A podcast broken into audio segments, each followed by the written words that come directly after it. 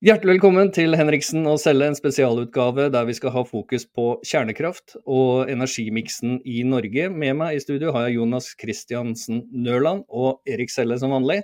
Hjertelig velkommen, Jonas. Kan ikke du gi våre lyttere en uh, lite overblikk over hvem du er, og hva er det som har gjort at du har engasjert deg i dette forskningsprosjektet på uh,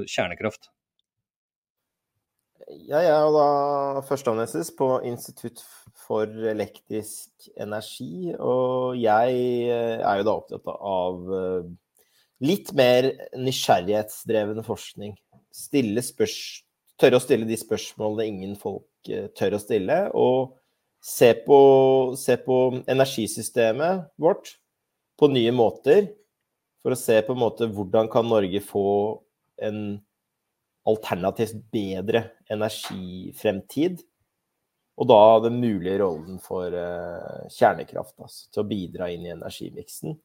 Uh, og hvilke fordeler det, det vil kunne, kunne, ha. Og som, som stemmer, så har vi nylig da levert en, um, et arbeid som da i motsetning til uh, Rystad Energy-rapporten ikke var fagfellevurdert, så var jo vårt arbeid da altså fagfellevurdert, publisert hos Norges eh, tekniske vitenskapsakademi. Og jeg mener at det er litt av essensen her. at det, når, når, sånne ting, arbeider lages, må det være kvalitetssikre. Nå har det kommet ut etterpå at det er masse faktafeil og masse rart i den rapporten som aldri hadde gjort at dette kunne vært noe faglig bidrag hvis ikke, hvis ikke det hadde blitt eh, Altså Det er det som er uheldig at vi har ikke en ordentlig kvalitetssikring eh, av når sånne rapporter eh, slippes ut.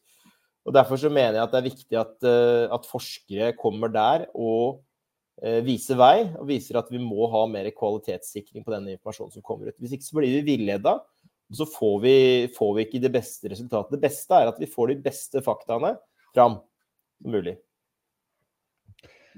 Eh, Jonas, eh, for de, som, eh, for de som på en måte ikke helt vet hva Rysta-rapporten er, kan ikke du bare presentere hva, hva er egentlig Rysta-rapporten? Hvor kommer den fra? Det sto det var et bestillingsverk. Hvem har i så tilfelle bestilt den? Bare gi litt kontekst til den debatten vi skal drøfte i dag. og og, og, hvilken rapport har da kommet for å slå Ryster-rapporten i hjel? Altså, hvem kommer med argumenter som gjør at den eh, viser seg å være lite troverdig? Kan ikke du bare gi et lite bakgrunnsbilde for, for oss vanlige folk som ikke helt vet hva Ryster-rapporten er? Nei, det, det, Denne rapporten kom jo rett og slett fra nysgjerrighet fra norsk industri. Det var jo Stein Lier Hansen som var ute og sa at uh, han trodde dette kunne bli viktig for norsk industri i fremtiden. Og da, mm, Det var nok ikke alle i norsk industri eh, som var enig i det, men da bestilte de en rapport. da. Eh, og så da valgte de da å bestille en rapport fra et eh, analysefirma med en leder som de visste er veldig, veldig negativ til kjernekraft. Og så, i mellomtiden av prosjektet, så kom også Fornybar Norge inn med en leder som heter Aslaug Haga, som eh, flere ganger i siste året har fortalt oss hvor tullete det er med, med kjernekraft. Eh, og så skulle da dette i tillegg leveres til en olje- og energiminister som heller ikke er interessert i kjernekraft. Så da har du da altså den komplette her, at du har noe som bestilles bl.a. av en interesseorganisasjon som ikke vil ha kjernekraft, og som skal gjøres av et analysefirma som Eh, er uttalt negative til kjernekraft og skal utleveres til et olje- og energidepartement som heller ikke vil ha kjernekraft. Og Da er det jo mange som lurte på om egentlig konklusjonen var gitt på forhånd. Og Det var derfor jeg sa til Dagens Næringsliv at jeg frykter at dette her er et eh, bestillingsverk. Og Etter hvert som jeg har eh, sett mer på rapporten senere, så ser jeg jo at dette, det er så mye antagelser og ting der som har blitt gjort bare for at du skal få en illusjon om at kjernekraft er så dyrt og at flytende havvind er så billig, da skjønte jeg at det her var det en agenda bak. Da vil jeg minne alle lytterne på eh, boken til Anders Hellebust, som vi har snakket om mange ganger i denne podkasten, 'Med rett til å varsle', som dokumenterer hvordan det er et mønster av norske regjeringer å opprette utvalg og granskingsutvalg som er rene bestillingsverk. Nøyaktig beskriver han det Jonas beskriver nå, hvor deltakerne allerede har en forutinntatt holdning. Altså man vet hvem man setter i til å lage disse utredningene eller granskingene. Og med mandatet så har man også gitt utfallet på, på forhånd. Eh, Jonas, i, på nyhetene i dag på vei til kontoret så omtalte de de rekordhøye strømprisene de to siste dagene. Eh, og eh, forklaringen på NRK i dag var bl.a. at det blåser så lite i Europa, så de vindturbinene man har der leverer ikke strøm, og det betyr at Norge må eksportere mye strøm. Og det er vel da eh, Da kan alle som er i tvil om de tør å mene noe om kjernekraft, eh, siden ikke det er daglig pro kjernekraft på NRK eller VG eller Dagbladet, da kan man henvise til eh, NRK Nyheter at vindturbiner gir ustabil energiforsyning og høye strømpriser. Og før vi går videre i podkasten, eh, hvor Jonas skal få lov til å komme litt med, med konkrete argumenter, så eh, kan man i dag lese i nyheten om inkassoselskaper som faktisk er bekymret. De tjener seg jo søkkrike på eh, vanskelige tider, eh, akkurat som bankene og akkurat som den norske stat mens befolkningen sliter. Eh, og det rare er jo at politikerne skulle jo være til for folket. Mediene skulle være der for å være vaktbikkje for politikerne, også til fordel for folket. Eh, bankene, eh, det er jo hva skal jeg si, forretningskonsepter, men de er jo helt avhengig av kundene. Eh, men vi har altså en banksjef i DNB som sitter i Davos og oppfordrer til dette grønne skiftet. Og sier at folk må lære seg å lide og kjøpe seg en kokk i Holmenkollen til 40 millioner kroner. Og vi ser på en måte nå at de som har det vanskelig fra før av, de får det enda vanskeligere. men den inngripen som nå skjer i middelklassens økonomi, er utrolig skremmende. Eh, og jeg var i en debatt i, før jul i fjor eh, i regi av eh, SMB, hvor jeg utfordret da eh, bl.a. Arbeiderpartiets representant for fremleggelse av statsbudsjettet i 2023, at den eh, kostnadsøkningen, avgiftsøkningen og skattetrykket som dagens regjering har som et åk nedover det norske folk, sammen med energipolitikken og strømprisen, vil føre Norge nærmere venezuelanske tilstander, altså tilstander som i Venezuela, hvor valutaen eh, krasjer, eh, hvor inflasjonen tar av, og hvor rentene da forsterker problemene for en tilbudssidet inflasjon. Så dette er bakteppet, kjære venner, eh, som ser og hører på denne podkasten. Matkøene blir lengre og lengre i Oslo, det tok vi opp i forrige eh, podkast. Og i hele Norge. Eh, det er ikke lenger bare mennesker som generelt har det vanskelig i livet, som nå står i matkø, eller for å få sportsutstyr til barn, men det er altså Frelsesarmeen melder om eh, voksne mennesker som har full jobb, gjerne to inntekter, men nå går inflasjon og rentetoget og energiprisene og strømprisene. Det er bakteppet. Og da, Jonas, da er, eh, da, da er ordet ditt. Eh, kan, du, kan, du, i korte trekk eh, beskrive hvorfor eh, denne rapporten går mot kjernekraft? Og så vil jeg gjerne høre dine argumenter for eh, kjernekraft. For det fremstår for meg som helt åpenbart at vind i Europa, sol Dette er ikke energibærere som kan gi en trygg fremtid. Vi må, sammen med den rene vannkraften vår, finne en annen stabil og over tid billig energileverandør. Og der tror jeg at eh, kjernekraft er den veien vi må gå. Eh, og da vil jeg gjerne at du forteller våre lesere og hører hvorfor det.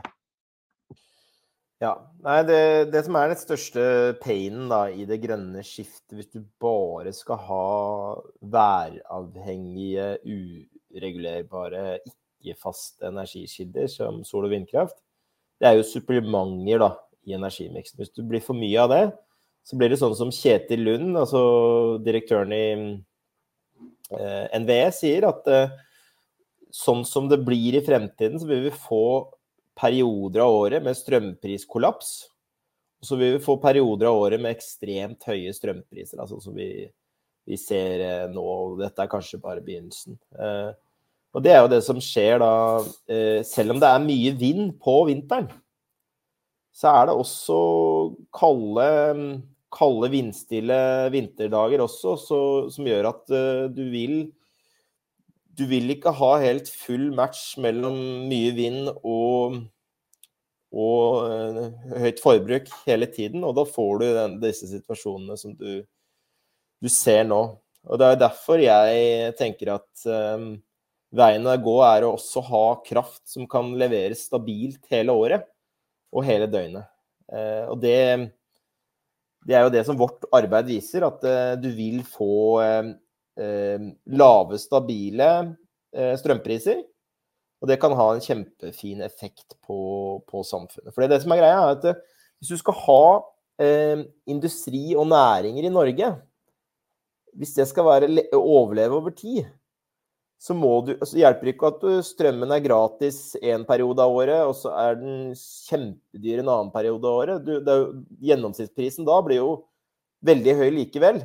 Og skal du ha høy utnyttelse for norsk industri, så må du jo rett og slett utnytte Skal du ha smelteverk og batterifabrikker eh, Noen vil jo ikke ha det heller, men skal du ha disse tingene, industrisatsinger, du skal ha aluminiumsindustri, du skal ha stålindustri Altså Masse av disse tingene her er jo avhengig av stabil kraft hele tiden. Til og med direktøren, visedirektøren i Vattenfall sier det. Vi kan ikke lage en stålfabrikk som kun skal utnyttes for fullt når det blåser som mest. Vi må ha en stålfabrikk som kan utnyttes for fullt hele året. Da får du god avkastning på den infrastrukturen du bygger. Og det som jeg frykter da, det er at hvis vi bare skal tenke at eh, eh, industri i Europa eller i Norge skal overleve ved at det lønner seg å kjøre ned produksjonen på industrien fordi strømprisene er skyhøye, at det lønner seg, så er jo kostnaden med at det lønner seg å ikke utnytte eh, norsk industri, det vil jo føre til at Hvorfor skal, vi, hvorfor skal vi ha industri i Norge da? Se, se f.eks. Blaster, som skulle, skulle lage grønt stål.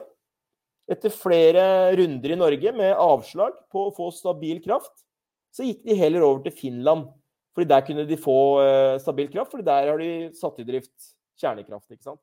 Og Det er det som jeg frykter. ikke sant? Hvis det lønner seg Kostnadene knyttet til at det lønner seg å, å eh, være nede, nede deler av året og ikke utnytte industrien din, de kostnadene gjør at det er ikke noe vits å ha industri i Norge. Ikke sant? Så der må vi på en måte forstå forbruket. Det er ikke bare produsentene som skal tjene penger her, men det skal også være lønnsomt å bruke strøm i Norge. Og, og sånn blir det ikke hvis vi bare skal tenke sånn som vi gjør akkurat her nå. Men du, Jonas, denne rapporten NHO, altså viseadministrerende direktør eh, Anniken Hauglie, eh, gikk ut i mediene og sa at Rysta Energis analyse Eh, viser at kjernekraft ikke er svaret på kraftbehovet i Norge de neste to tiårene. Men NHO var jo også da den samme aktøren som gikk ut og fortalte hele landet at kablet til Tyskland ikke ville gi høyere strømpriser. Så mitt spørsmål til deg, har du noen altså, hva er det som gjør at NHO har så eklatant feil gang etter gang i ting som man hadde forventet at de burde ha noe eh, tyngde på å uttale seg om. Fordi at det NHO driver med nå, det altså Enten er det jo grove feilvurderinger, eller så er det jo en politisk eh, eh, markering. Altså når vindkraft på lands og til havs er miljøødeleggende, sprer plast og gir ustabil energi. Hva er agendaen til NHO for dette? Jeg skjønner at kanskje ikke du kan uttale om intensjonene til NHO, men eh, det som eh, blir sagt fra Rystad-rapporten, som NHO ser seg enig i, det er at kjernekraft er dyrt. Men altså, hva er disse vindturbinutbyggingene om ikke et gigantisk statlig sluk? Ja, så Det er jo det som er eh, litt av eh, det interessante med denne rapporten. Det er at eh, de, de, viser en kurve for flytende havvind. Så sier de at de tror ikke at flytende havvind kommer til å bli mer enn 20% billigere fram til 2050. Eh, så, men så tror de jo at flytende havvind koster eh, kun 109 øre per kilowattime. Men vi vet jo at Hywind Tampen kosta nærmere to kroner per kilowattime. Vi vet at DNV de sier at uh, havvind i dag koster 235 øre per kilowattime. Og så vet vi at uh, de britiske subsidienivåene på flytende havvind er oppe i 327 øre per kilowattime. Så hvis du da uh, bruker den samme metodikken som Rystad, setter på den samme læringkurven, så sier egentlig Rystad at flytende havvind kommer til å koste 180 øre per kilowattime i 2050. Eh, så dermed så vil jo da rapporten, som egentlig var ment å legge kjernekraft dødt i Norge, legger egentlig flytende havvind dødt i Norge. Og Det er jo litt av ironien med denne rapporten. Og så ser vi også at uh, ChatGPT har jo også studert denne rapporten og kommet til en annen konklusjon enn uh, sammendraget av rapporten. Og det viser at det, er, det henger rett og slett ikke, ikke sammen. Altså, i en vitenskapelig publikasjon, så må jeg skrive, hvis jeg skriver et abstract, så må jo faktisk analysen som ligger under, må jo faktisk eh, backes opp resten av rapporten. Men det, det vi ser her, er at eh, ChatGPT finner ingen sammenheng mellom det sammendraget og, og rapporten som helhet. Så, da, og da lukter det at det er en agenda bak. En annen ting som vi ser i rapporten, da, de har gjort masse triks for å få kjernekraft til å bli dyrt. De setter altså 4% rente på flytende havvind. Og så setter de 7% rente på kjernekraft i driftsfasen og 10% rente i byggefasen. Altså, kjernekraft er en energikilde som har 60 års levetid, og som kan levetidsforlenges opptil 100 år, sånn som vannkraften. Ikke sant? Og, tro at du skal bygge jernbane med 7 eller 10% rente, det er jo det er jo det de argumenterer for. Det blir som at du skal bruke 4% rente for å bygge sparkesykler, og så skal du bruke 7-10% rente for å bygge jernbane. Det er jo helt opp det.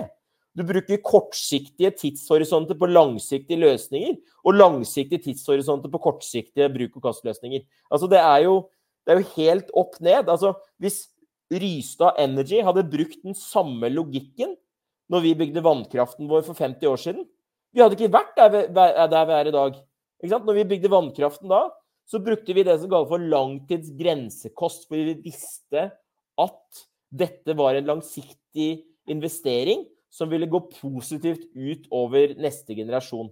Og Nå sitter jo de samme folkene i dag og sier at vannkraften er noe av det mest lønnsomme vi har. Og Det er fordi den er nedbetalt og har lav kostpris. Det samme ville skjedd med kjernekraft. Men det vil si at de, de samme folkene her hvis de hadde brukt den samme premisset for 50 år siden, så hadde vi ikke vært der vi er i dag. Og da, og, Grunnen til at vi satsa på vannkraften, det er at vi ville investere i neste generasjon. Og når vi driver sånn, og satser på langsiktige løsninger som kan gå, som kan gå positivt utover Norges fremtid et århundre fram i tid, og så skal vi sette helt gedigne renter altså det, det, det, vil si, da, det vil si at det, med 7% rente, så vil det si at et kjernekraftverk, strømmen til et kjernekraftverk 25 år fram i tid, er kun halvparten så mye verdt som strømmen fra et, en flytende havvindturbin 25 år, år fram i tid. Og, og, 25 år fram i tid stiller jo den flytende havvindturbinen den er jo da gått ut av din, sin økonomiske levetid, og så vil den, det kjernekraftverket kunne produsere opptil et århundre, nesten opptil et århundre til. Ikke sant? Så, så, spørsmålet er på en måte jeg stiller spørsmålet, da. Dette her er jo en veldig, veldig sånn eh, agendasettende At vi vil ikke gjøre valg som kan bygge Norge på sikt. Det blir kortsiktig løsning. Vi skal ikke bygge jernbane, vi skal bare bygge sparkesykler. Og spørsmålet er hvor, hvor, hvor viktig, hvor bra blir det for neste generasjon hvis vi bare skal bygge sparkesykler?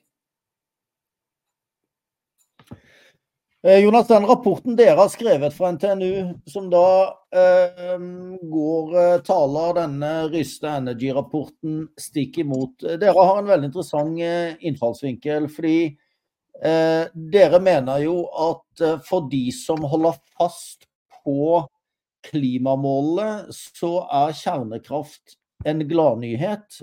og at hvis ikke man kjernekraft, tar i bruk kjernekraft i Norge, som i Finland, som i Sør-Korea, som de nå skal gjøre i Frankrike, så vil det faktisk ødelegge for de som eh, det, det du kaller den grønne omstillingen.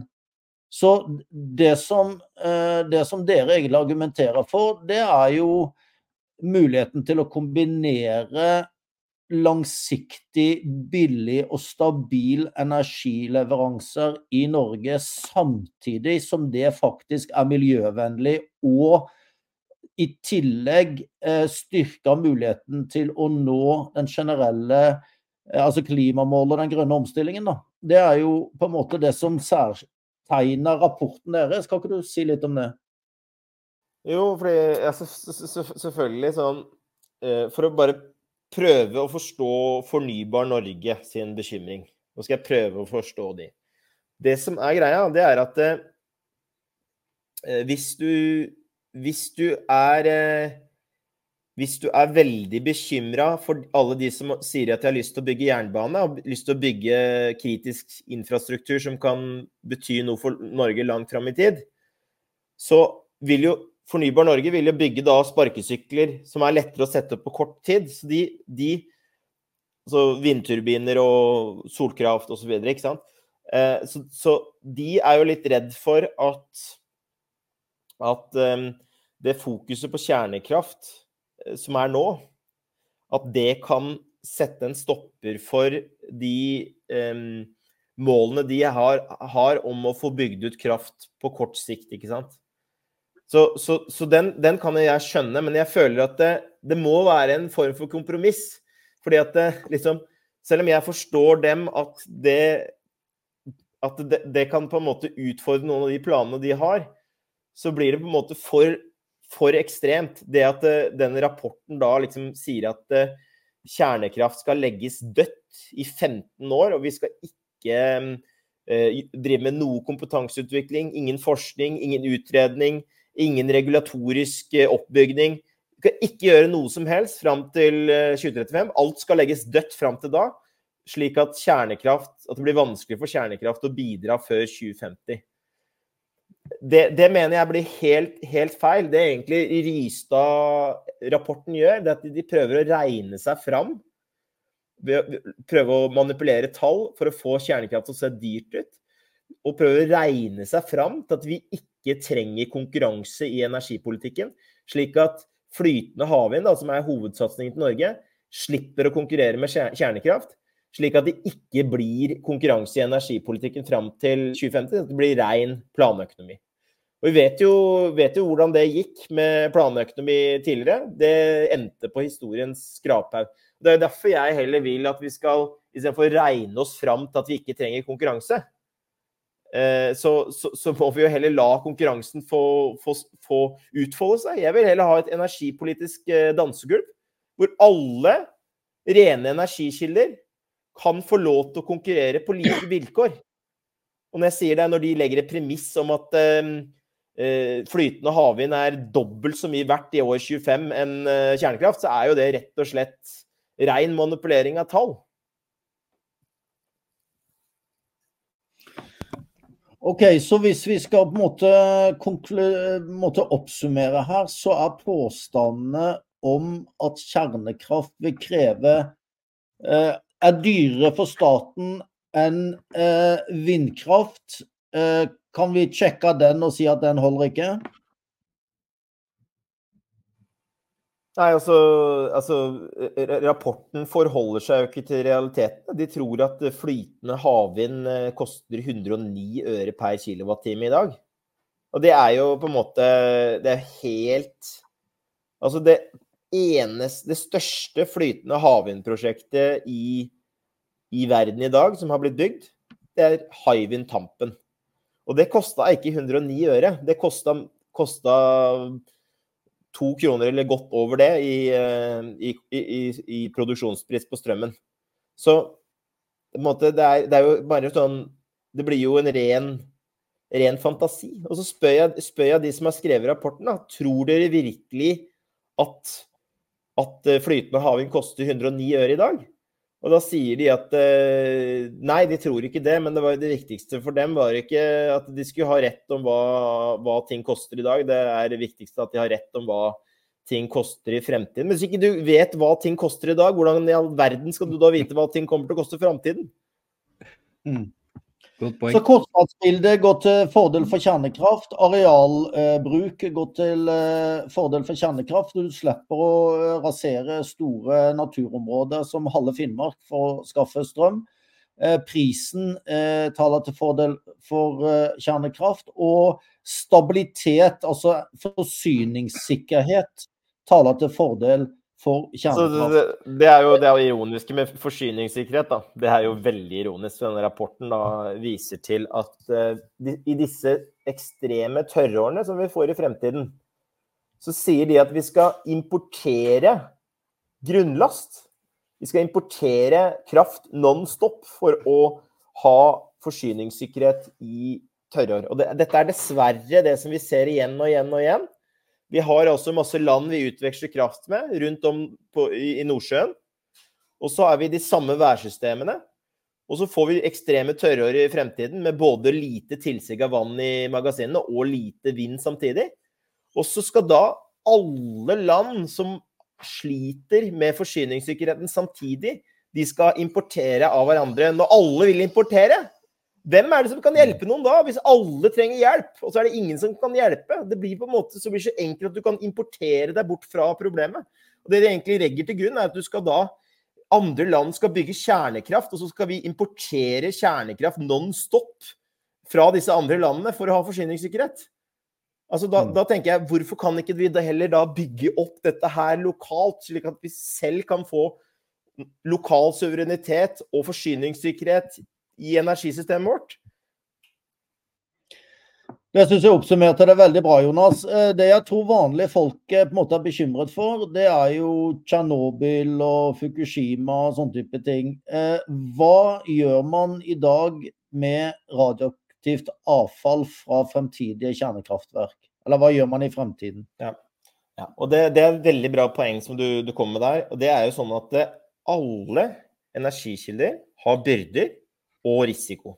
Så, så, så, så, kjernekraft det er ikke den energiløsningen jeg liker mest, det er den energiløsningen jeg misliker minst. Så for å ta det, da. Så har vi det i dag vi kaller farlig avfall. Det produseres i dag 20 000 ganger mer farlig avfall enn radioaktivt avfall. Og det er giftig til evig tid. Og, og dette avfallet det skal vi da lagre 50 meter under bakken. Mens det radioaktive avfallet som man eh, begynner å håndtere i Finland, det skal man lagre 500 meter ned i bakken. Eh, og det skal lagres i stabile geologiske formasjoner. og Der har faktisk EUs vitenskapspanel de har regna seg fram til at hvis dette avfallet lekker ut i berggrunnen, så vil dette påvirke den fremtidige sivilisasjonen som lever eh, eh, over, eh, over det deponiet med en ekstra strålingsdose som tilsvarer at hver enkelt i den sivilisasjonen spiser to ekstra bananer i året. Så det er klart at det er liksom worst case når det kommer til avfall. Og det er prisen den fremtidige generasjonen da må betale for å ikke leve i en energifattig eh, verden med sult, eh, fattigdom og elendighet. Så ikke sant? Det er det som kalles for nullrisikofellen. Altså, det er en risiko og en byrde med å si ja til kjernekraft, men det er en enorm risiko og byrde med å si, ja, si nei til kjernekraft. Og det er det folk ikke skjønner. at Nullrisikofellen det handler om at du tror at hvis du sier nei til noe, så er det uten byrde og risiko. Men så kan det hende at det å si nei, det har en større byrde og risiko enn det å si ja. Og det er der vi peker på i den rapporten vår at vi tror at Norge kommer til å få et geni helt genialt energisystem hvis vi da får kjernekraft inn i miksen til å spille sammen med, med vannkrafta. Så vi både har stabil væruavhengig kraft i bånn, og så har vi denne regulerbare vannkraften på toppen. Da får vi et helt genialt energisystem som gjør at vi faktisk kan gjøre at det lønner seg å elektrifisere samfunnet. Det som DNV finner i sitt scenario uten kjernekraft, de finner ut at det, eh, av flytende havvind så vil 75% av den flytende havvinden den, den, må brukes til å produsere hydrogen, fordi at det produseres så mye eh, kraft til samme, samme, tid. Og den kraften får man ikke utnytta i strømnettet, og derfor skal vi produsere hydrogen isteden. Men dette hydrogenet det finner vi blir ganske ulønnsomt. Eh, så Derfor så vil vi heller ha en mer helhetlig miks som gjør at eh, vi får maksimert energieffektiviteten til eh, energisystemet. Og Der tror vi at kjernekraft kommer til å gjøre at vi får et mye mer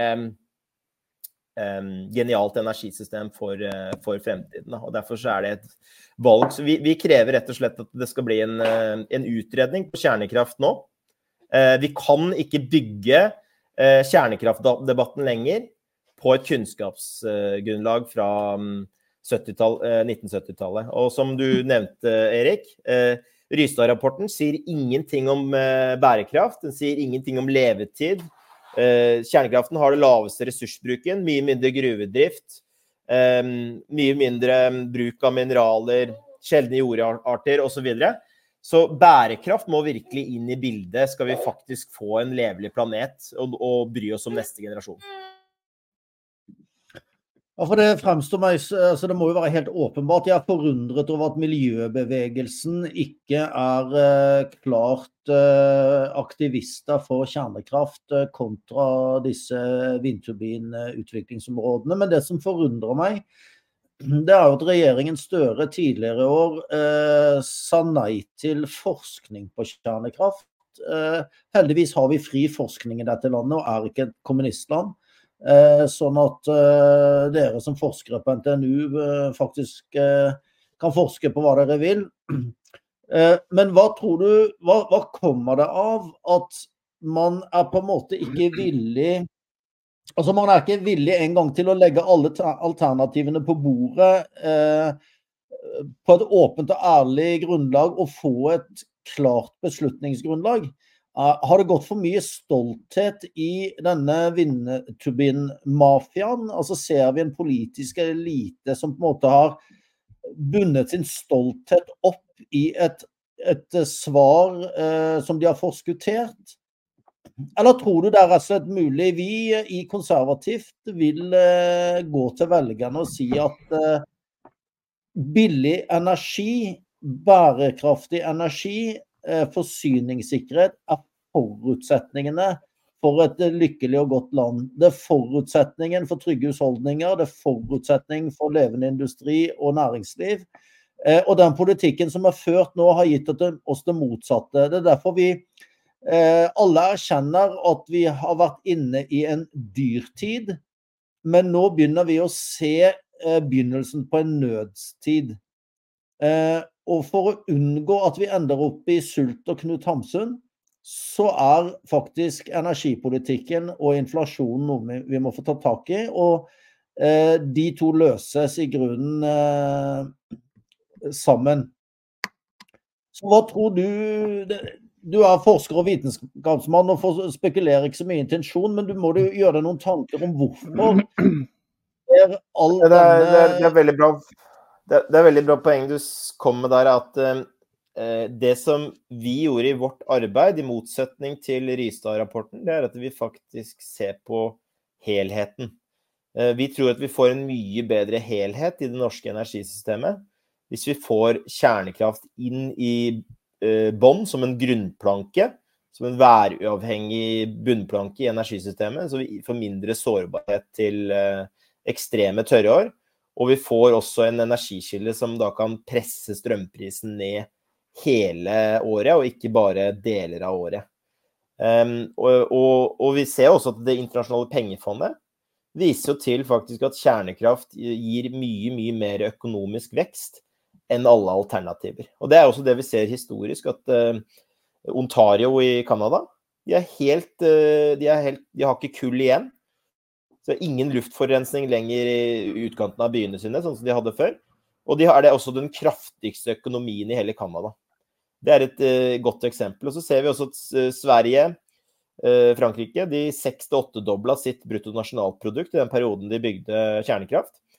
Eh, så det er på en måte Energikildene må også, må, må også evalueres i form av hvordan de faktisk lager positive ringvirkninger i økonomien i samfunnet. Jeg frykter at hvis vi får en, et grønt skifte uten kjernekraft, så kommer, vi, kommer økonomien til å blø.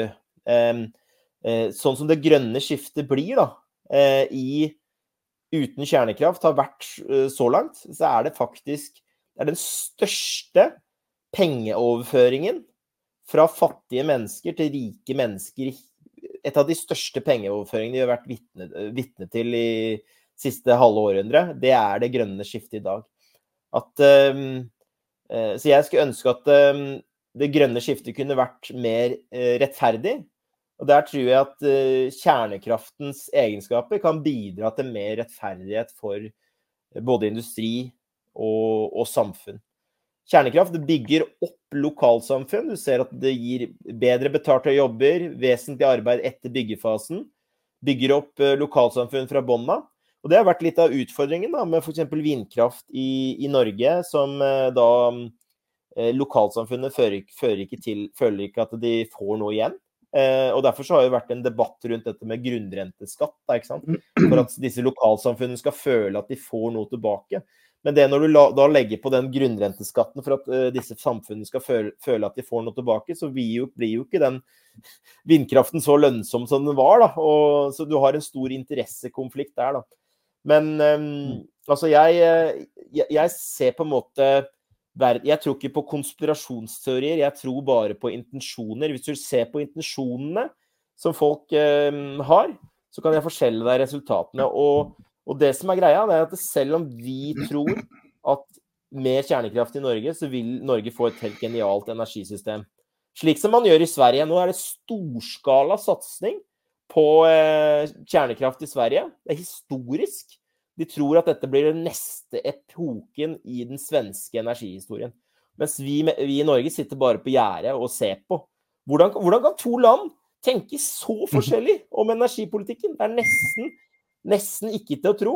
Og, og, og der tenker jeg at det, det med eh, interesser har kommet for mye i veien. For det, hvis, hvis jeg f.eks. da hadde jobba med bare pushe én en enkelt energikilde, f.eks. vindkraft eller solkraft, da, da ville jo ikke jeg hatt kjernekraft med i konkurransen. Du vil jo gjerne få minst mulig konkurranse eh, hvis du skal ta vare på dine interesser. Og derfor så Det som skjer her i denne debatten, er at man ønsker da å legge kjernekraft dødt fram til 2050, slik at flytende havvind ikke skal behøve å ha noen konkurranse eh, fram mot eh, 2050. Det syns jeg er uheldig. Vi må heller åpne opp for konkurranse, at alle energiløsninger kan konkurrere på like vilkår. Da tror jeg vi får en, en best fremtid for Norge. Eh, vi behøver ikke å prøve disse planøkonomiske eksper eksperimentene på nytt igjen. Vi vet hvordan det går. Eh, så, så, og når disse interessene da vinner fram, og klarer å fjerne konkurransen i energipolitikken Så det som skjer da, det er at det, hvis de får sine eh, Altså selv om kjernekraft er en god nyhet for norsk energifremtid, så er ikke det en god nyhet for f.eks. For Fornybar Norge, når ikke de har kjernekraft som en del av sin, eh, sin interessevirksomhet. Hadde Fornybar Norge hatt det som sin uh, interessevirksomhet, så hadde jo selvfølgelig uh, det at kjernekraft kunne gitt et genialt energisystem, det ville vært en god nyhet. Men, men da, da, ser vi den interessekonflikten, at man har interesseorganisasjoner som har spesielle interesser, som ikke nødvendigvis er fullstendig i tråd med det beste for Norge. Og det syns jeg er synd. At det har blitt sånn. Det, det, vi snakker om her, det det er, vel i grunnen små modulære reaktorer, såkalt SMR. Og, og eh, bare avslutningsvis dra et par momenter til. Eh, det er krig i Ukraina. Eh, det er på nyhetene bekymring for utslipp fra det store atomkraftverket i Ukraina eh, i forhold til krigshandlingene. Eh, så er to spørsmål. Hvor mange små modulære reaktorer ser du for deg at vi trenger i Norge for å få en nasjonal, stabil, eh, billig, langsiktig kraft i landet?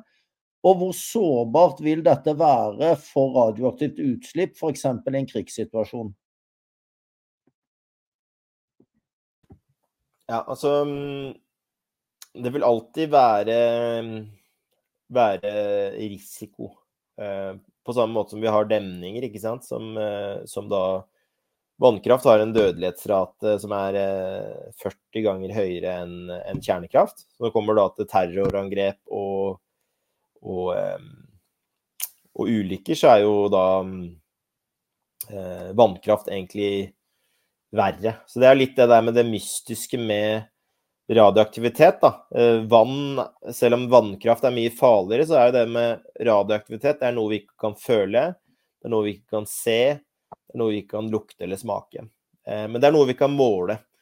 Eh, og hvis du tar da Tsjernobyl-ulykken, så har den, det, det radioaktive utslippet der, det har påvirket oss med ekstra strålingsdoser. Og det kan vi være ærlige på. Så f.eks. Eh, på 50 år så har Tsjernobyl-ulykken gitt eh, deg, Erik, og Tom en strålingsdose. Og den strålingsdosen, hvis du skal prøve å estimere den strålingsdosen det har gitt, så er det en strålingsdose som eh, er en fjerdedel av den strålingsdosen du får hvis du tar fly fra Oslo til New York og tilbake. Det, og, og, det, er å, det, er ikke for å, si at ikke Tsjernobyl-ulykken var uh, forferdelig. Det var, uh, det var, noe som absolutt ikke skulle skje, men det var for å prøve å få kvantifisert hvilke følger Tsjernobyl-ulykken har fått for der, deres liv. Da. Så man har en referanse. Og det er med risiko. Man må alltid ha null risiko. Det finnes ikke.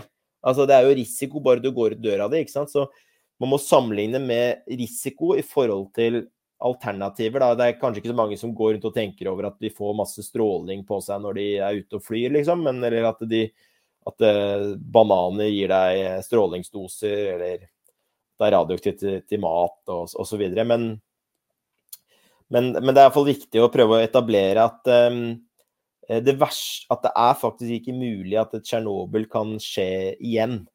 Uh, og um, Tsjernobyl-reaktoren det var jo rett og slett en reaktor som ikke, ikke, kunne, ikke hadde blitt uh, godkjent i Vesten for 50 år siden. Og det er da veldig vanskelig å få uh, noe sånt til å bli godkjent uh, i Vesten i dag.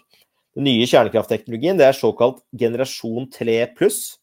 Det er ifølge EUs vitenskapspanel den tryggeste energiformen som, um, som noen gang har blitt oppfunnet. Um, og hvis, du, hvis, hvis, hele den norske energimiksen skulle blitt eh, dekket opp av kjernekraft Statistisk sett så estimerer eh, EUs vitenskapspanel at det vil, vil, skje i snitt et dødsfall hvert 9000 år som følge av, eh, av kjernekraft. Da. Så eh, det er jo klart at i, i, i, Ukraina og sånn nå, så har det vært mye frykt rundt, eh, rundt det med kjernekraft. Og det har vært også, også eh, liksom eh, eh, Det var veldig mye sånne der greier rundt Det var noe sånn radioaktivt vann som ble sluppet ut i, i Japan. Det var masse medieoppslag, og så tilsvarte den radioaktiviteten det tilsvarte det samme som å spise fem bananer, liksom. Det var sånn sånn Du lager liksom Du blåser opp ting. Så det blir som et storm i et, i et vannglass. Der eh, tenker jeg at uh, som konservativ så må man ha mer sånn fornuftsbasert tankegang og klare å, um, å se, ting, se ting opp uh, mot hverandre, da. Så jeg skal hva du tenker, Erik, om hva vil, en, hva vil en, la oss si, en missil som setter ut Ønsker å ramme energiforsyningen og et missil som slår ut en SMR. Hva vil det bety for, for utslipp? Hvis du tar en SMR, da, så generasjon 3 pluss skal jo da tåle at mm. du tar en Boeing, svær Boeing 737 fly. Skal bare, det skal kunne styrte rett i, i, den, i bygget, da. Og eh, det skal gå Du skal ikke få utslipp, da. Radioaktive utslipp. Så Men jeg tenker liksom at eh, Hvis du tenker terrormål, da. Hvis du har lyst til å, å, å få um, få utretta mye som et terrormål, så er kanskje ikke liksom kjernekraft det, det mest attraktive, da det er jo mye mer attraktivt det Sovjet gjorde for 50 år siden i Zaporizjzja, hvor, eh, hvor, de sprengte en demning og opptil 100 000 mennesker eh, døde av demningen til et vannkraftverk. Så man må tenke litt, litt sånn òg. Men det betyr ikke at det ikke er, er risiko med, med, kjernekraft. Det er bare at man, den kompara, må være komparativ i forhold til alternativene. Riktig, da. Kjernekraft er ikke ja, kjernekraft er ikke perfekt, men jeg, jeg spør jo liksom om, er, om, den er bra nok for oss. Og det, dette er en, noe vi kan tåle, og så kan vi prøve å gjøre det beste for å, for å sikre Nå skal jo da På disse SMR-ene skal jo reaktoren bygges nede i bakken, da. Um, og det er jo også uh, et viktig prinsipp. Og så er det nye passivt sikre systemer som gjør at uh, det er helt fri for uh, menneskelige feil. Um, det blir liksom som um, Hvis det skjer en feil, så vil på en måte bare vekta på disse kontrollstavene bare gjøre til de bare detter ned, så hele reaktoren dør, liksom. Så det er det med å på en måte, på en måte bruke naturens lover til å liksom få ting til å bli sikkert, da. Vi kan ikke stole på eh, en elektronisk skip, men vi kan stole på naturlovene som er bygd. ikke sant? De vil ikke feile. Ikke sant? Mm. Så mm, det har noe med hvordan ting er, eh, er, eh, er bygd. Så jeg tror, men jeg tror nok i Ukraina så er nok befolkningen der er nok mer redd for ikke få strøm og konsekvensene og dødsfall som følge av det. Mer redd for det enn en redselen for for eh, kjernekraft. Og du ser jo den totale katastrofen, det som skjer i Tyskland nå. Det er jo fullstendig klimafiendtlig politikk. Hvis, hvis, de tror at de skal eh, nå klimamål, og så har de en sånn klimafiendtlig politikk som de har der, hvor de da, da har 80 de har, Ifølge en ny rapport fra Radiant Energy Group viser at de kan starte opp igjen kjernekraft tilsvarende 80 TWh i året det er altså to tredjedeler av norsk vannkraft. Det kan startes opp igjen på én til tre år. Og de vil ha en strømkostpris på å starte opp igjen disse reaktorene per kilowattime på 30 øre. Og eh, dette er altså da energikilder som kan produsere hele året. Kan redusere luftforurensning hele året, klimagassutslipp hele året. Du kan faktisk regne deg tilbake til at eh, hvis du starta opp igjen disse 80 TWh i året med kjernekraft, så kunne Tyskland spart 2000-3000 menneskeliv i redusert luftforurensning fra brunkull i året. Og det viser liksom noe av den derre fullstendig menneskeligfiendtlige politikken som, som du vi ser i Tyskland der nå. Nå, nå avindustrialiseres Tyskland. Altså Tyskland, som er mm. motoren for norsk industri, de har ikke stabil kraft lenger. De må brenne brunkull, som er dyrt, og som forurenser. Og de klarer ikke å brenne nok. Og dermed så har de ikke, de har ikke kraftpriser til å eh, kunne få eh, industrien til å overleve. Og Det er litt av den mm. der, um, realiteten som vi må innse. At uh, Europa var jo tidligere en tredjedel av verdensøkonomien. Nå er det en sjettedel. Og om noen tiår, hvis vi fortsetter det sporet vi har nå Europa vil være et kontinent som ligger nede i ruiner. Og da må vi ha kursendring. Vi må skjønne hva er det som gikk galt. Helt klart. Og vi må prøve å skjønne det før det går galt. Og det er det vi holder på med i denne podkasten. Eh, mitt siste spørsmål, Jonas, det er eh, infrastruktur. Hvordan ser infrastrukturen ut? Eh, i forhold til en nasjonal, trygg, stabil, langsiktig og billig energiforsyning med vannkraft og kjernekraft i Norge. Hvor mange SMR trenger du? I, har, du har, du sett på infrastruktur? Har, en, har, dere jobbet med en oversikt over hva, hva man trenger? Hvor mange reaktorer snakker vi om i Norge? Altså, det, vi må, det vi må se på, det er jo, er jo det at um, mye Det finnes jo en del um, industri og, og, og um, energiforbruk i Norge som ikke er elektrifisert. Og hvis, vi, hvis strømmen kan bli billig, så kan det faktisk lønne seg å, å elektrifisere norsk industri. Men sånn som det gjøres nå, så, så lønner det seg rett og slett ikke. Eh, hvis vi i, i det, hvis vi skal følge da de klimamålene som Norge har satt seg, så er det jo sånn at um, Sånn at uh, det er ca. halvparten av energiforbruket i Norge som ikke er utslippsfritt. Og selv om strømproduksjonen i Norge er utslippsfritt, og det er ikke så enkelt å elektrifisere mm, Norge som folk skulle tro. Altså Hvis det hadde vært så enkelt å elektrifisere Norge, så hadde det vært gjort for lengst. Ikke sant? Så eh, da må vi prøve å forstå hva er det som gjør det så vanskelig å, eh, å få inn alternative energikilder for å kunne ta unna den, den, eh, det energiforbruket som ikke er elektrifisert. Da må det gjøres lønnsomt. Det må gjøres på en måte så det faktisk er konkurransedyktig å gå over til å bruke strøm. Eh, det er det største problemet. Og skal, skal, vi, skal vi få til det, så i vårt, vår rapport så viser vi til at eh, rundt 31% av energiforsyningen i fremtiden eh, bør kunne gå på kjernekraft. Og da snakker vi om, om betydelige utbygginger. Vi snakker eh, sånn som Sverige. Vi snakker om både store, muligens også både store kjernekraftverk, eh, eller og SMR-er.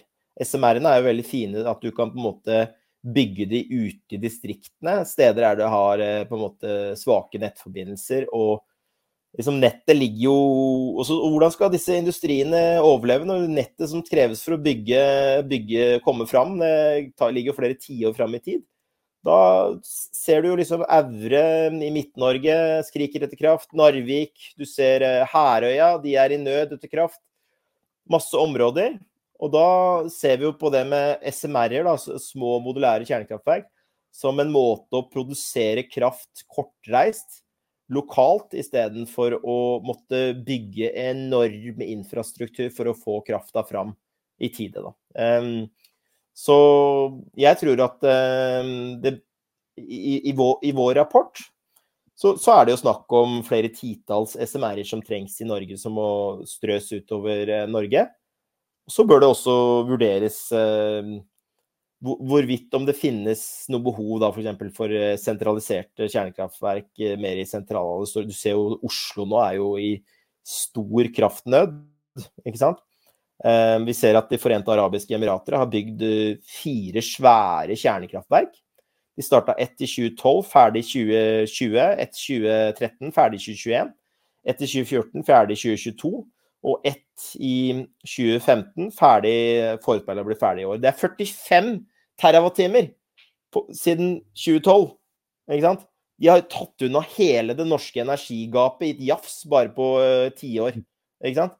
Så det, det, det viser seg at det, det, går an, hvis du bare vil. Um, mm. så, så, Men jeg tror at på en måte det neste som trengs nå, det er å, å jobbe for at det skal bli en uh, utredning. Men da, hvis du skal få en utredning, så må vi få en utredning hvor vi vet at det blir gjort på en objektiv måte, og at disse antakelsene blir tatt, ikke er drevet av en agenda. Fordi det vi ser nå med sånne bestillingsverk, er at der er agendaen satt på forhånd. Der har han allerede bestemt seg at uh, havvind kommer til å bli en uh, suksess. Selv om det er ganske uh, uvisst. Og så har man allerede bestemt seg at kjernekraft ikke kommer til å bli en suksess. Uh, og så ser vi rundt oss at kjernekraft i verden i dag, det er jo en suksess i de fleste land i verden i dag. Altså, det er jo ikke en hypotese at kjernekraft kan gjøres på en billig og kostnadseffektiv måte. Det skjer jo i, i, land over hele verden. Det skjer i Sør-Korea, det skjer i De forente arabiske emirater. Det skjer i eh, store deler av Afrika, i Kina, i Russland. Eh, og, og, og, og eh, nå, nå, vil jo Polen prøve å få til, få til, det samme som har skjedd i De forente arabiske emirater. Så det er, liksom, det er jo ikke noe grunn til at dette ikke også skal kunne gå i vår del av verden. Det er bare at litt av problemet i vår del av verden er at vi, vi ikke har gått for modne, modne, løsninger og gjort ting på en skikkelig måte. Vi har eh, bare Så det er mye smartere når du først eh, satser på kjernekraft, og gjør sånn som De forente arabiske emirater, og satse ordentlig på det, istedenfor å bare bygge en, eh, en liten, liten, reaktor her og der, og så skal du liksom peke på at uh, dette, det, dette gikk dårlig. Altså all, alle, alle, ting som du gjør litt sånn halvveis og ikke satser ordentlig på, eh, eh, risikerer å, å, å, feile. Det var det De forente arabiske emirater fant ut. Hvis de satsa ordentlig på kjernekraft, så blir det en eh, suksess.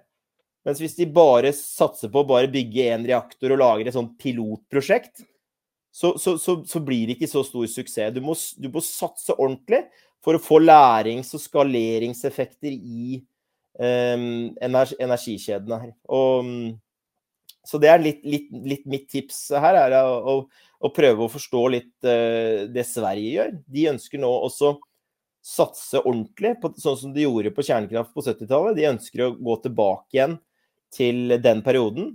Fordi det var jo noe som lykkes. Hvorfor skal vi gamble på på noe som ikke vi vet kommer til å funke. Hvorfor kan vi ikke se, se, hvordan vi fikk det til i fortiden, og prøve å gjøre de tingene på nytt? Mm. Jeg tror det haster òg, og som du sier, eh, det er, andre, det er, mange andre som nå ligger i forkant og allerede har gjort det. Eh, jeg var på Stortinget innom spørretimen, og jeg kalte det for Muppet Show. Eh, der står våre mest sentrale politikere og diskuterer problemene som, som er en konsekvens av deres egen politikk. Eh, og de prøver å eh, diskutere ut fra løsninger som ikke angriper kjerneproblematikken, som er årsaken til at politikernes løsninger er selv det som, det er det som driver problemet. Og som vi innledet denne podkasten med, Eh, Frelsesarmeen i Oslo melder om lengre og lengre køer over hele landet. Eh, vanlige mennesker, lavere middelklasse, eh, folk som sliter med andre ting, kanskje er uføretrygdet eller har arbeidsavklaringspenger eller andre typer ting. Står nå i kø for å få mat, står i kø for å få idrettsutstyr til barna sine. I fjor hørte vi om minstepensjonister som satt med 20 kuldegrader ute og 15 grader inne og lå under sengen og ikke sto opp om dagen for det var så kaldt i leiligheten. De hadde ikke råd til å holde varmen i huset sitt. Eh, I dag eh, melder Handelsbanken om eh, varsler teknisk resesjon i Norge. Dvs. Si to påfølgende kvartal med negativ vekst i fastlands-BNP. Vi har en historisk svak kronekurs. Altså Alle må jo se at noen styrer landet i feil retning når det gjelder økonomi og energi. Og jeg tror vi har presentert løsningen eh, for landet. Og da må dere velge i 25 mennesker som ikke har latt gått stolthet i å fortsette en linje som fører oss fra dyrtid til nødstid. Men politikere som vil legge om kursen, hvor vi allerede har eksempler på at dette fungerer, og dette gir de resultatene som vi sier at uh, de vil uh, gi. Uh, så valgseddel, Tom, 25 burde være ganske enkel, eller hva? Den er veldig enkel. Jeg har et siste spørsmål, for jeg blir alltid konfrontert med dette her. Thorium, har du tenkt noe over det, Jonas, når dere har holdt på med disse forskningsprosjektene? Thorium, det det er jo, kan du si, en, en, en kjernekraftressurs som gjør at vi kan ha kjernekraftbrensel langt eh, frem i tid. Så det er helt, helt klart en mulighet i framtiden. Du har det norske selskapet Thor Energy, som da har mm. laga en ny type brensel, som er en kombinasjon bruker noe uran og en del thorium. Um, og den har blitt testa på Halden-reaktoren i fire år, det, det, det brenselet.